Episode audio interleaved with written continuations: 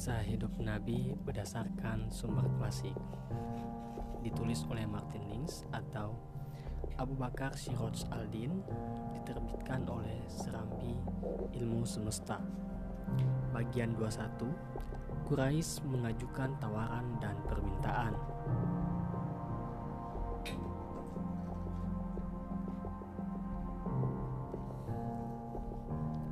Sejak hari itu, Hamzah dengan penuh keyakinan mempertahankan keislamannya dan mengikuti semua ajaran Nabi.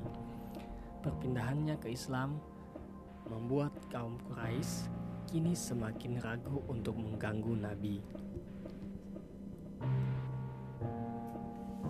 Perpindahan perpindahannya ke Islam membuat kaum Quraisy kini semakin ragu untuk mengganggu Nabi secara terbuka karena Hamzah pasti melindunginya. Di sisi lain, peristiwa yang tidak diharapkan ini membuat mereka semakin menyadari betapa gawatnya situasi yang mereka hadapi. Mereka kian merasa perlu mencari solusi dan berusaha menghentikan gerakan yang dalam penglihatan mereka akan berakhir pada runtuhnya kedudukan tinggi mereka di kalangan bangsa Arab. Melihat bahaya ini, mereka sepakat untuk mengubah taktik dan mengikuti saran yang diajukan oleh seorang pemuka Bani Abdul Asyams, Utbah ibnu Rabiah, dalam majelis. Ngapa aku tak menghadap Muhammad? kata Utbah dan menawarkan sesuatu yang mungkin dia mau terima, asalkan dia menghentikan kecamannya terhadap kita. Kita akan penuhi apa pun yang dia inginkan. Datang, kabari bahwa Nabi kini sedang duduk sendirian di dalam Ka'bah. Maka Utbah segera meninggalkan majelis dan pergi ke masjid. Ia menawarkan diri untuk tugas ini karena ia cucu Abdul Al-Syams yang merupakan saudara Hashim. Meskipun berbagai kabilah, keturunan kedua putra Abdul Manaf ini telah bercabang-cabang, perbedaan itu telah mudah, perbedaan itu dengan mudah lenyap oleh kesamaan garis silsilah keturunan mereka. Selain itu, Utbah, sosok yang lebih ramah, lebih cerdas, dan lebih dapat bekerja sama dibandingkan kebanyakan orang Quraisy. Putra saudaraku, kata Utbah kepada Nabi, engkau berasal dari suku yang mulia dan garis keturunan yang terhormat. Namun, sekarang engkau membawa masalah besar kepada kaummu. Engkau telah memecah belah ke kekerabatan mereka mencerca cara hidup mereka, mencelah agama dan tuhan-tuhan mereka, serta mengafirkan nenek moyang mereka. Sekarang, dengarkan saranku. Mungkin engkau berkenan menerimanya. Jika engkau menginginkan kekayaan, kami bersedia mengumpulkan semua harta kekayaan kami untukmu hingga engkau menjadi orang terkaya di antara kami. Jika engkau mencari kemuliaan, kami akan mengangkatmu sebagai pemimpin kami. Kami tidak akan memutuskan perkara apa pun tanpa persetujuanmu. Jika engkau ingin menjadi raja, kami bersedia menobatkan dirimu sebagai raja kami. Jika engkau merasa tidak sanggup membebaskan diri dari gangguan setan yang menghampirimu ini, kami akan panggilkan seorang tabib betapapun besarnya biaya yang harus kami tanggung. Setelah Utbah selesai berbicara, Nabi berkata, "Sekarang dengarkan aku, hai Abu Al-Walid." Nabi lalu membacakan ayat yang baru saja beliau terima. Utbah bersiap-siap mengalihkan perhatiannya dari lelaki yang ingin ia kalahkan itu. Namun, setelah dibacakan beberapa kalimat, pikirannya dipenuhi kekaguman terhadap kata-kata itu. Ia duduk bersandar pada kedua belah tangannya yang diluruskan ke belakang sambil mendengarkan. Ia terpesona oleh keindahan bahasa yang mengalir ke telinganya. Ayat-ayat yang dibacakan itu berbicara tentang wahyu itu sendiri, juga tentang penciptaan langit dan bumi. Ayat itu juga menyebutkan para nabi dan kaum yang mengingkari ayat-ayat Allah yang kelak akan dihancurkan dan dimasukkan ke dalam neraka, serta kaum beriman yang dijanjikan perlindungan para malaikat di dunia ini dan kebahagiaan di akhirat. Nabi menutup Nabi menutup pembacaannya dengan kalimat dan sebagian tanda-tanda kebesarannya adalah malam dan siang, matahari dan bulan. Janganlah bersujud kepada matahari dan jangan pula kepada bulan, tetapi bersujudlah kepada Allah yang menciptakannya jika kamu hanya menyembah kepadanya.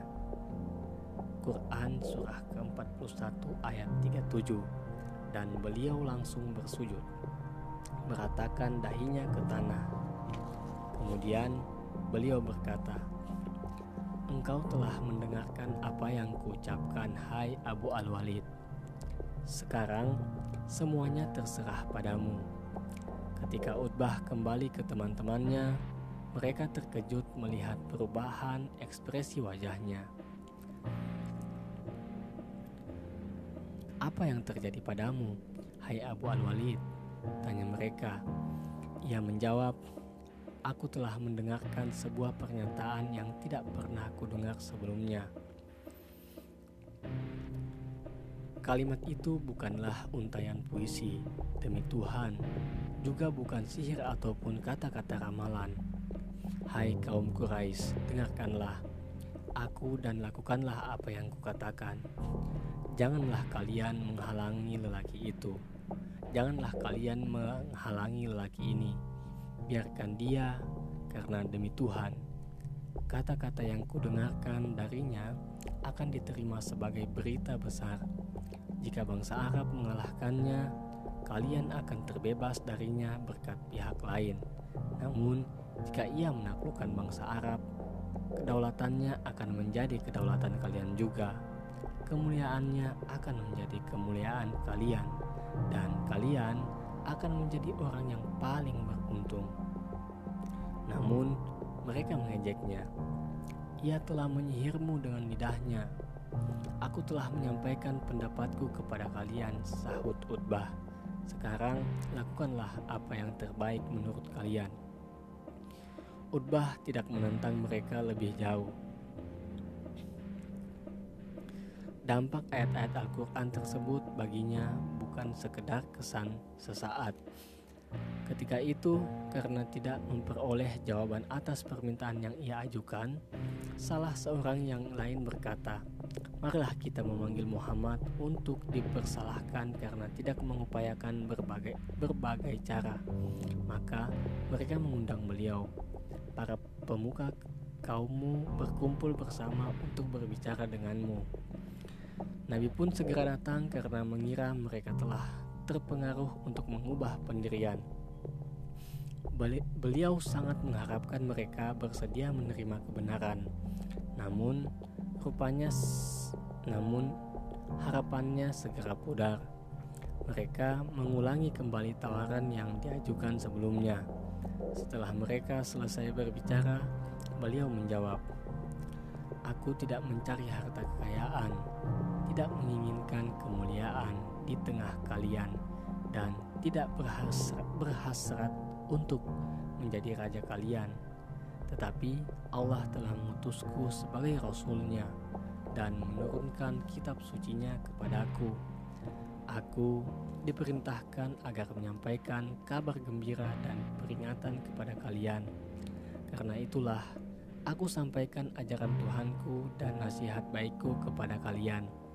Jika kalian mau menerimanya, jika kalian mau menerima apa yang kubawa, kalian pasti beruntung di dunia ini dan di akhirat nanti.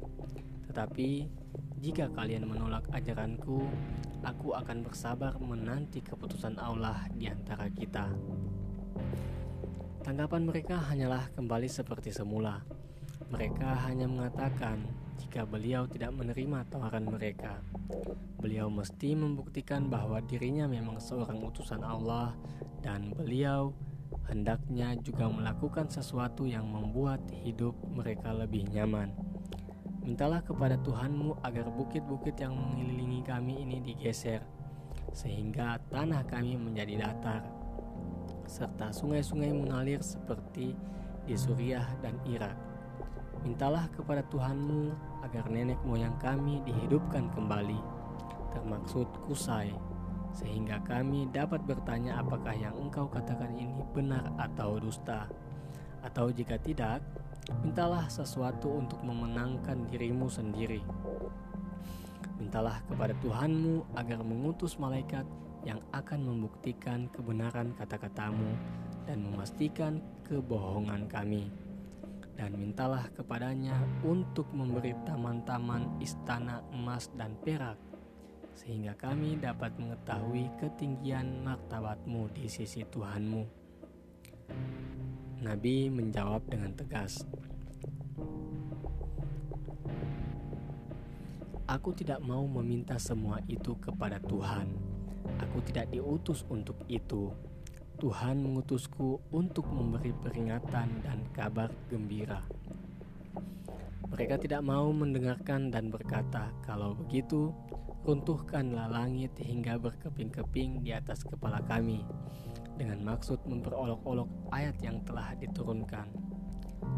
Jika kami kehendaki, niscaya kami benamkan mereka di bumi, atau kami jatuhkan kepada mereka gumpalan dari langit.